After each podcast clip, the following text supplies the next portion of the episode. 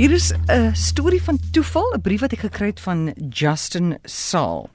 Hy sê my pa was in Grooteskier Skuur Hospitaal en het gesterf aan kanker in 1986.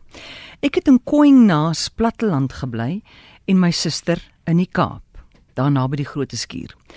Dit was die gebruik in die hospitaal om die telefone dis nou voor selfone nê, op trollies rond te stoot en by die verskillende bedlende pasiënte se beddens in die telefoon proppe in te prop om sodoende oproepe te kon ontvang.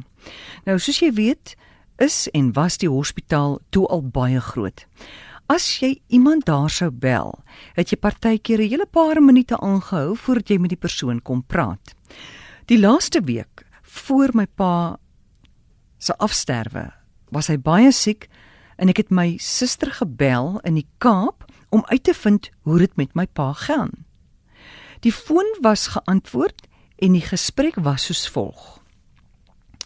Hallo, kan ek asseblief met Cynthia praat? Die persoon antwoord toe: "Ag my kind, nou is jy darm by 'n fout. Dis jou pa wat praat." Amore, ek het toe onbewuslik die nommer by die hospitaal geskakel en nie my suster nie. Die foon was toevallig by my pa se kamer en hy self het geantwoord. Ek kon net uitroep pappa. Ek het ook toe 'n kans gehad om vir hom te sê ek is lief vir hom en 1 week later was hy weg.